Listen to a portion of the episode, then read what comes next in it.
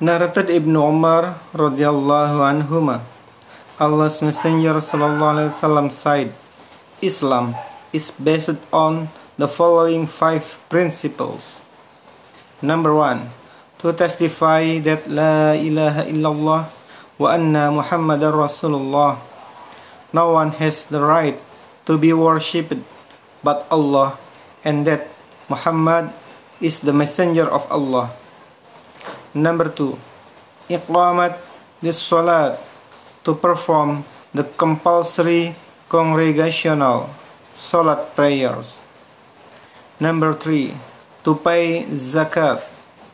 Number four, to perform hajj, pil pilgrimage to Mecca.